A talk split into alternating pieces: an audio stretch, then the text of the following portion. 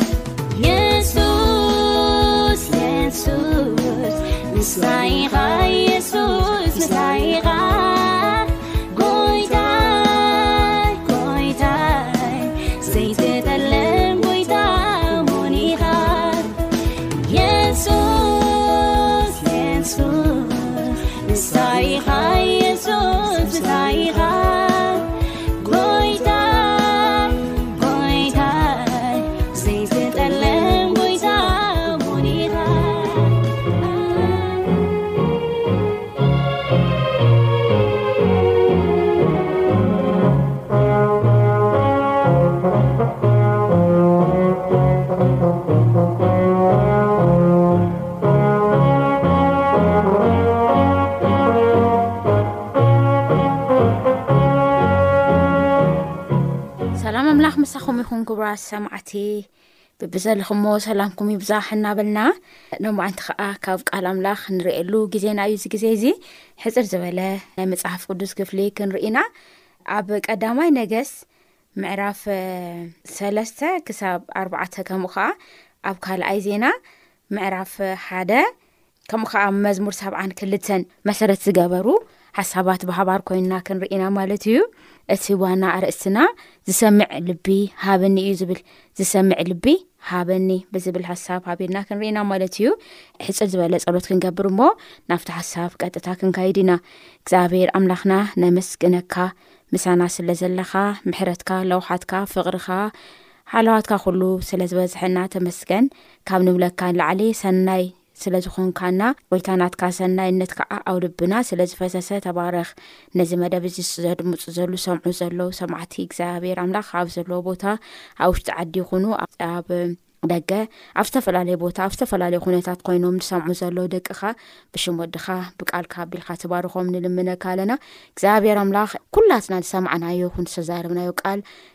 ክትግለጽ ከለካ ኣብ ቅድሜካ ደው ዘብል ክኸውን ንዘለኣለም ሂወት እግዚኣብሔር ኣምላክ ዘለኣለማዊ ንዝኾነ ሂወት ዝሃርየና ክኸውን ንልምነካ ኣለና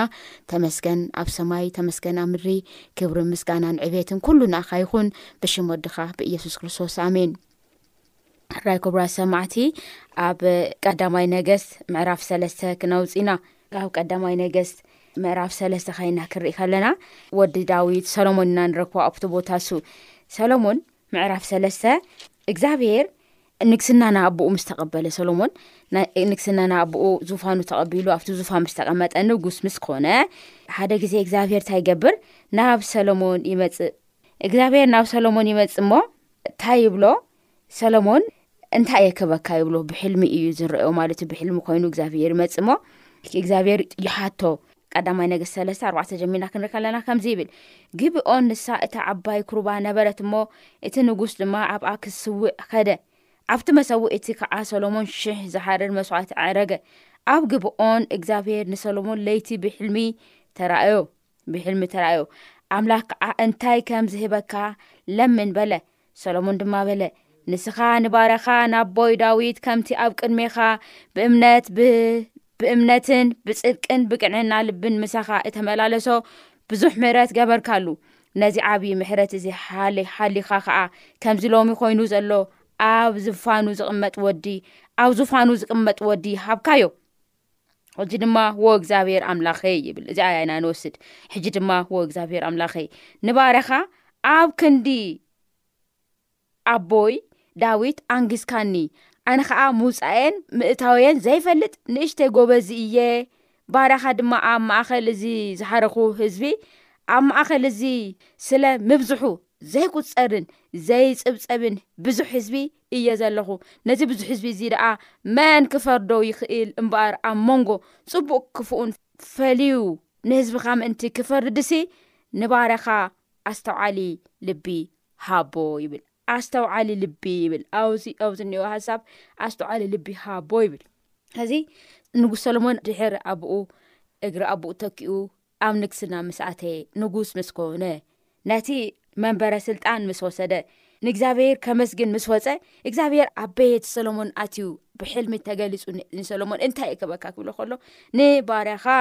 ነዚ ህዝቢ እዚ ክእንግል ክመርህ ከተናግድ ዝኽእለሉ ኣስተውዓሊ ልቢ ሃበኒ ዝሰምዕ ልቢ እዩ እቲ ኣስተውዓሊ ልቢ ማለት ያው ዘዳምፅ ዝሰምዕ ልቢ ማለት እዩ ነዚ ልቢ እዚ ሃበኒ ኢሉ እዩ ሃቲቱ ሰሎሙን ካብኡ እግዚኣብሔር እንታይ ኢልዎ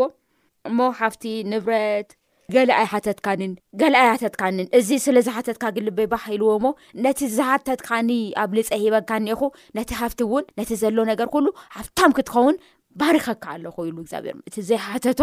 ኣብሊፁ ብዝሓተቶ መንገዲ እግዚኣብሔር ብና ሰሎሞን ሕቶ ደስ ስለ ዝበሎ ነቲ ዝሓተቶ እውን ነቲ ዘይሓተቶ እውን ገይሩ እግዚኣብሔር ከም ዝባረኾ እና ንርእኣብዚ ቦታ እዚ እዚ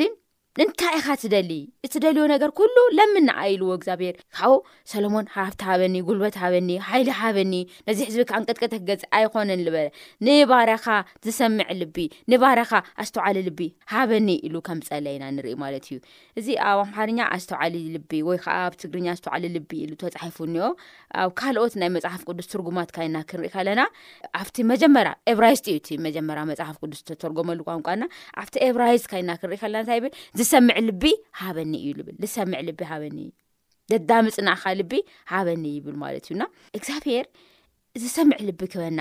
ምክንያቱም መጀመርታ ጥበብ ታይ እዩ ንእግዚኣብሔር ምፍራህ እዩ ይብለና ቃል ኣምላኽ ስለዚ ናይ ጥበብና ናይ ምስትውዓልና ናይ ኩሉ ምንጩ እግዚኣብሔር እንተዘይኮይኑ ከንቱ ኢና ባዶ ኢና ሃና ምን መብልና ስለዚ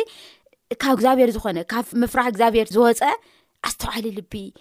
ወይ ከዓ ትክክለኛ ዝሓስብ ኣእምሮ ከም ዘድሊ ዝቦታ ይነግረና ማለት እዩ ሕዚ እቲ ዝሰምዒ ልቢ እግዚኣብሔር ንክህበና ሞታ እዩ ታይ እዩ ከ ካባና የድሊ ወይ ከዓ ናቱ ፈቃድ ክንስትዑል ለለና ነገር ታይ እዩ ክንብል ከለና እቲ ዝሰምዕ ልቢ እግዚኣብሄር ክበና ከሎ ብናቱ ፈቃድ ክንመላለስ ከለና እንታይ ንኸውን ልቢ እግዚኣብሄር ከም ዝሃበና ፈቃዱ ከዓ እግዚኣብሄር ክነስዑል ከም ዝገበረና ተረዲእና ሲ ንኣምላኽና ንባርኽ ነምስግን ማለት እዩ እስራኤላውያን ካብ ግብፂ ባርነት እዚ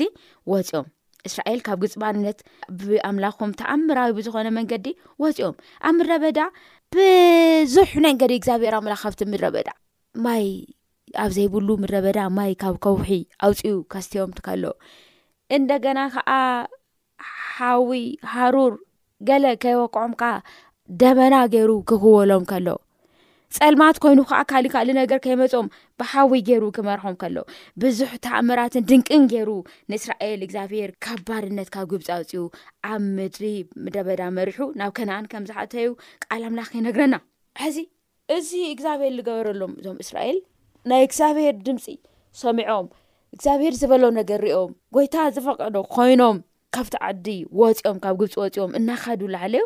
ኣብ መንገዲ ግን ንእግዚኣብሄር ምስማዕ ከም ዝገደፉ ንርኢ ንኡ እዩ ሙሴ ኣብ ሓደ ቦታ እታ ይብል ሙሴ ኣብ ዘዳግም እስራን ትሸዓተን ንእግዚኣብሄር ምስማዕ ገዲፍኩም ይብሎም ንእግዚኣብሄር ገዲፎም ክከዱ ከለው ሙሴ ከዓ ብኡ ነገር እሱ ሓዚኑ ክዛረብ ከሎና ንርኢ ዘዳግም እስራን ትሽዓተን ፍቕሪ ሓደ ቀፅ ጀሚሩ እስካብ ክልተ ዘሎ እዩ ዘሎና ካንብቦ እዩ ዕስካ ኣርባዕተ እግዚኣብሔር ብዘይቲ ኣብ ሆረብ ምስ ደቂ እስራኤል ዝኣተዩ ክዳን ኣብ ምድሪ ሞኣብ ከዓ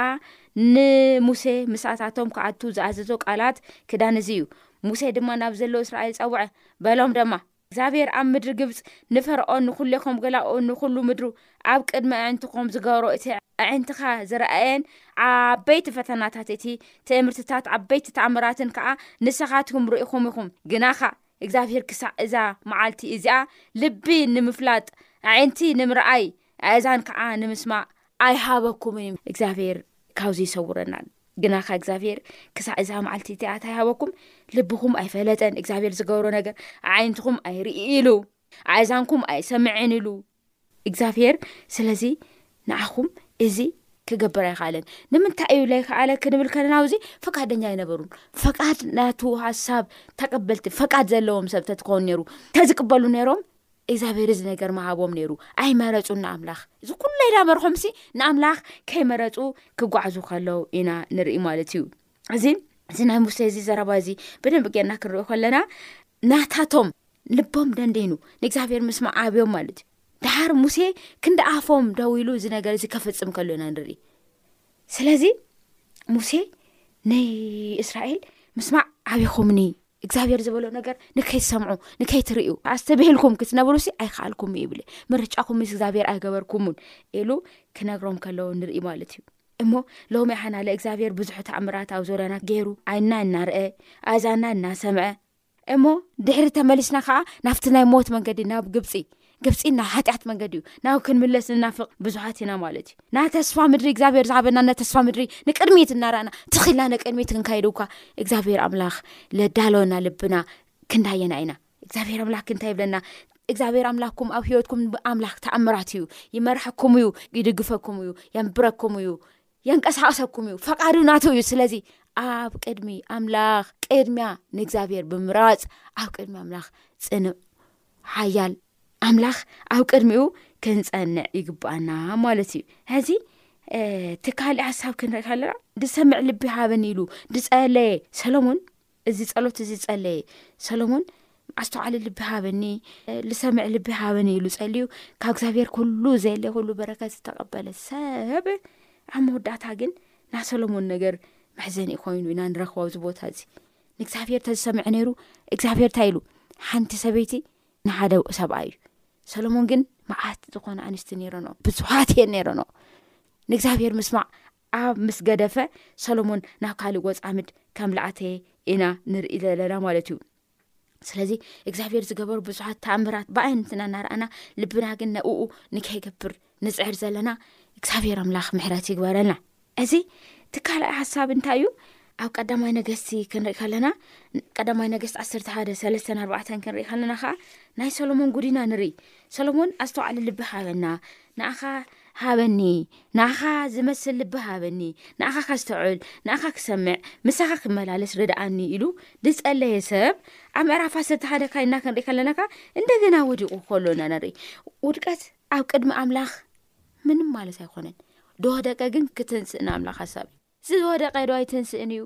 ዝተጋገየ ዶ ኣይምለስን እዩ ይብል ኣብ ቃል ኣምላኽ ይምለስ ዝወደቀ እውን ይትንስእ ክንደይሻዕ ወዲቅና ክንደይሻዕ ላዓልንታትኢና ክንደይሻዕ ኢና እግዚኣብሔር ኣተንስኡና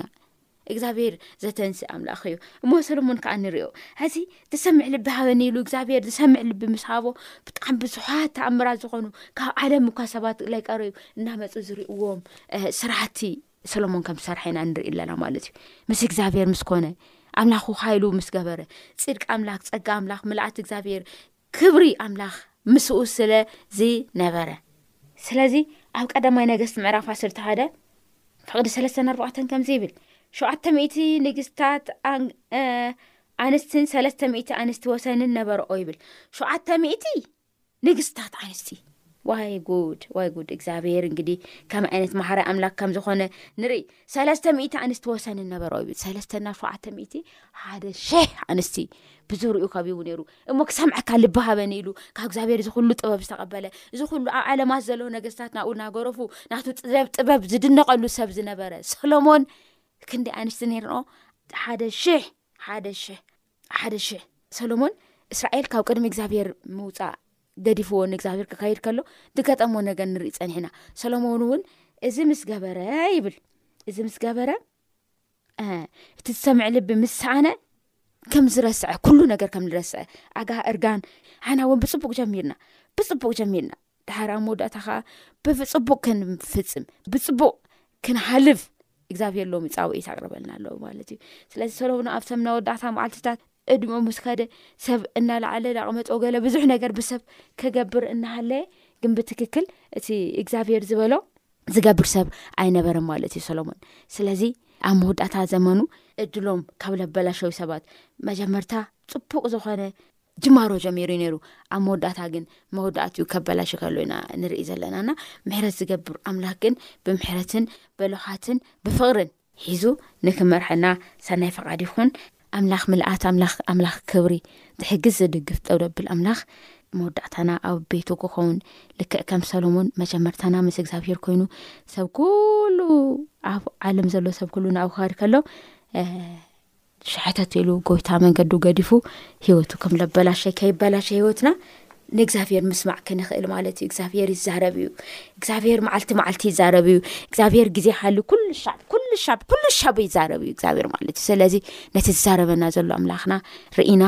ሓሳባትና ኩሉ ካብኡ ኣኪብና ለሌና ለበለ ካብኡ ክንወስድ እግዚኣብሄር ፀጉኡ ይሃብዝሐልና